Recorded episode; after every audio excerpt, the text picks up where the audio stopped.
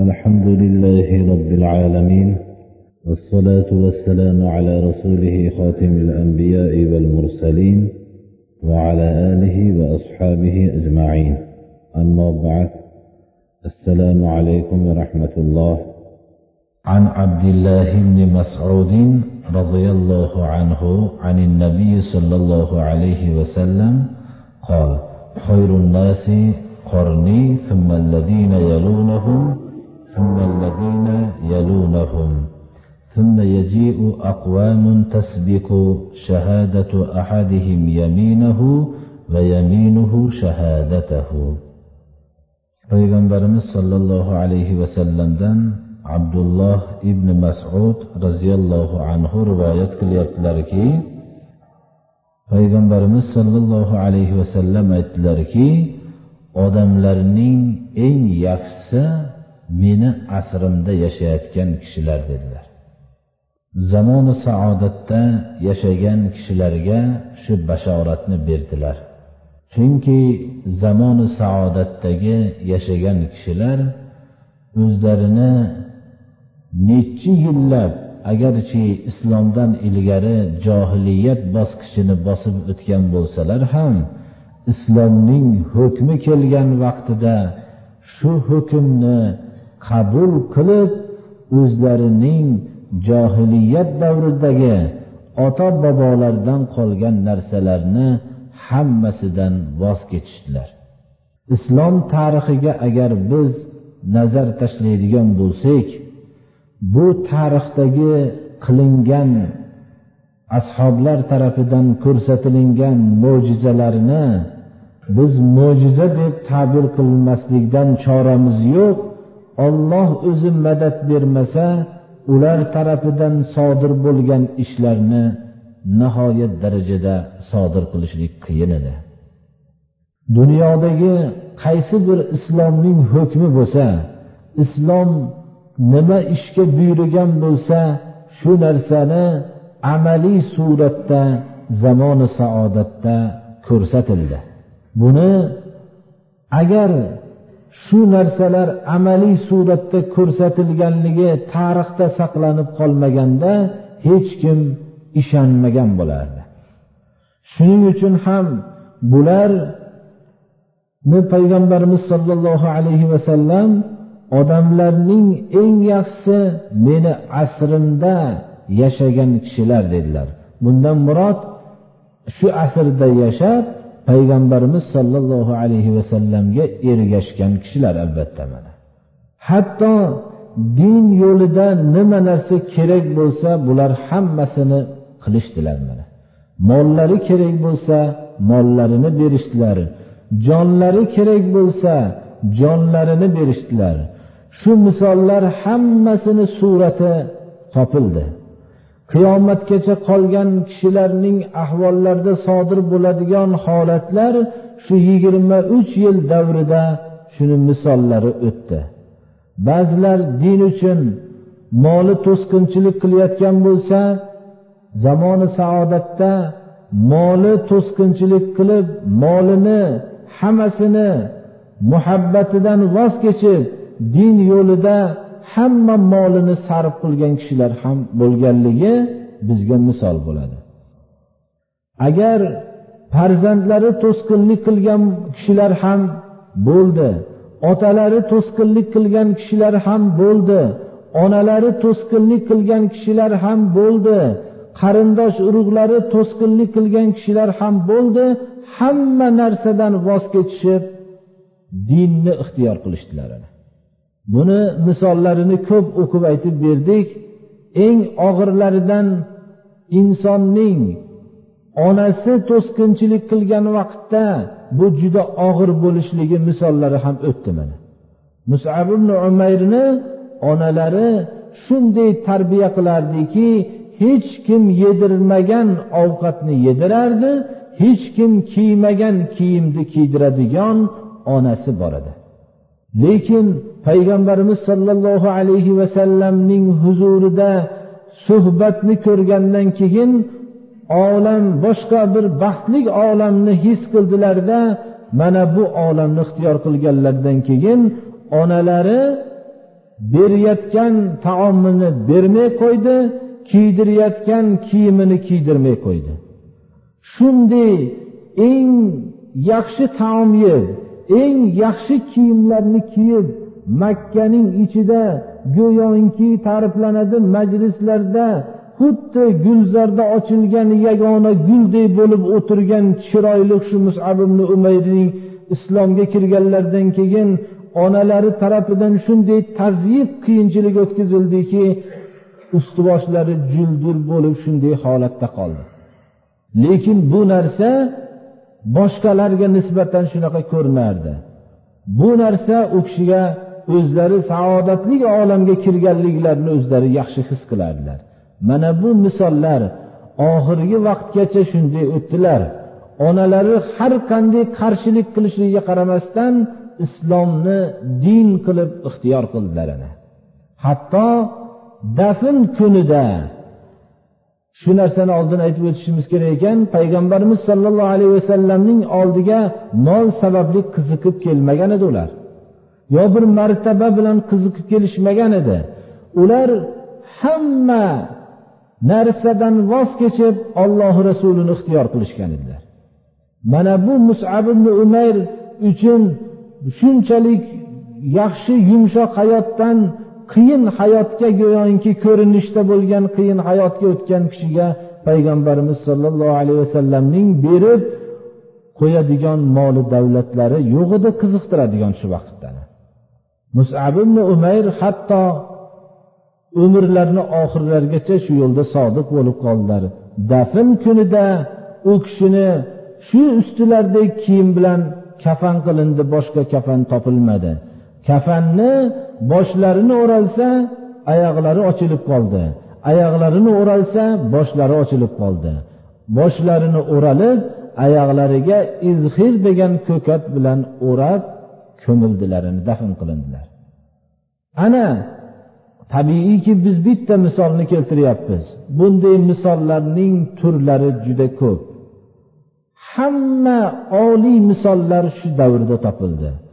Haqiqatda odamlarning eng yaxshilari mening asrimda atrofimda yig'ilgan kishilar deyishlari nihoyatda sodiq bir xabar edi. Bular kelajak avloddagi kishilarga din yo'lida moli davlat to'sqinchilik qilganda din yo'lida qarindosh urug'lar to'sqinchilik qilganda din yo'lida ota onalar to'sqinchilik qilganda din yo'lida boshqa yori birodarlar to'sqinchilik qilgan odamlarga qanday bo'lmoqlik kerakligini namunasi bo'lib qolishdilar keyin bularga ergashgan zotlar.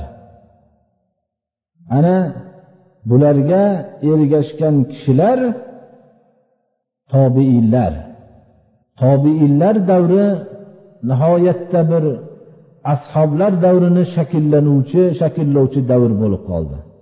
Tobiinlar hammalari olloh rasuli tarafidan kelgan yo'lni ashoblar qanday bajarishgan bo'lsalar tobiinlar ham bu amalda hech qanday kamlik qilmasdan bajarishdilar. Ammo ular rasululloh sollallohu alayhi vasallam bilan suhbatdosh bo'lolmaganliklari uchun tobiin bo'lib qolishdilar sahoba deb payg'ambarimiz sollallohu alayhi vasallamni ko'rib u kishini so'zlarini qabul qilib u kishi bilan suhbatdosh bo'lgan kishilarni sahoba deyiladi. Amalda ashoblardan qolishmasalar ham lekin rasululloh sollallohu alayhi vasallamning suhbatdoshlari bo'lmaganliklari uchun tobiin bo'ldilar ergashuvchilar degani. Bularni nihoyatda ko'p kishilar tobiinlarni mana tashkil qiladi ashoblarni ko'rganliklari ulardan hadislarni rivoyat qilgan juda ko'p tobiinlar bor. Ulardan keyingi tobiinlarga ergashgan kishilar ham mendan keyingi odamlarning yaxshilari deb payg'ambarimiz sollallohu alayhi vasallam bashorat berdilar mana. Va uch toifa kishilarni afzal ummat ekanliklarini e'lon qilib ثم يجيء أقوام تسبق شهادة أحدهم يمينه ويمينه شهادته keyin shunday odamlar keladiki ularning bittalarini guvohligi qasamidan ilgari bo'lib ketadi ba'zilarini bo'lsa qasami guvohligidan ilgari bo'ladigan guvohlikni haqiqiy guvohlik berishlikni e'tibori qolmaydigan qasamni ham bemalol ichib yolg'on qasamlarni ichaveradigan odamlar keladi deb ogohlantirdilar birodarlar. O'zimizni hollarimizni bir tekshirib ko'rsak biz juda ko'p narsalarni qo'ldan berdik birodarlar. Dinni dunyoga almashtirib qo'ydik. Dunyo hammamizga dindan ko'ra e'tiborliroq bo'lib qoldi. Ba'zi kishilarni mustasno qilgan aytganimizda olamda albatta ollohning sof haqiqiy bandalari bo'ladi. Hech qachon bundan xoli bo'lmaydi yer yuzi.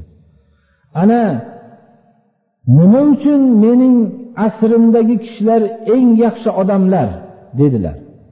Birinchi fazilat ular payg'ambarimiz sollallohu alayhi vasallam bilan suhbatdosh bo'lganliklari va din yo'lida har qanday qiymatbaho bo'lgan narsalarni hammasidan voz kecholadilar jonlaridan ham voz kecholadilar mana shu sabab bilan ular odamlarning eng yaxshisi bo'lishdilar. Endi shu din yo'lida kishilar shu o'tgan zotlar mollaridan butun hamma narsasidan voz kecholagan bo'lsayu biz din bilan dunyo topishlikka harakat qilib ketib qolgan bo'lsak qiyomatda nima deb javob beramiz? Mana bu narsani biz nihoyatda anglamoqligimiz kerak bir birlarimizni ogohlantirmoqligimiz kerak. Bu asri saodatdagi kishilarning ahvollarini tekshiraylik. Hamma narsada biz ergasholmasak ham ba'zi narsalarda ergashishlikka harakat qilaylik. Hujjatlarning shu zamoni saodatdan olaylik. Ikkinchi ularga ergashgan tobiinlardan olaylik. Uchinchi tobiinlarga ergashgan kishilardan olaylikki bu hadis sharifdagi guvohlik butun olamning rahmati bo'lgan payg'ambarimiz sollallohu alayhi vasallam tarafidan bo'lyapti.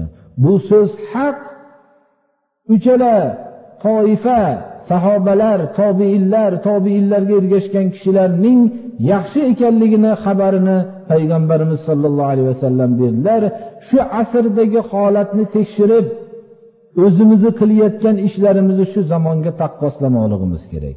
Agar shu zamonga taqqoslasak to'g'ri bo'lsa to'g'ri chiqsa biz to'g'ri deymiz noto'g'ri bo'lsa noto'g'ri deyishga majburmiz agar qalbimizda iymon islom bo'lsa birodarlar ba'zi bitta misol keltirdik ayollardan ham bo'lgan bir misolni keltirishimiz kerak bo'lib qoldi.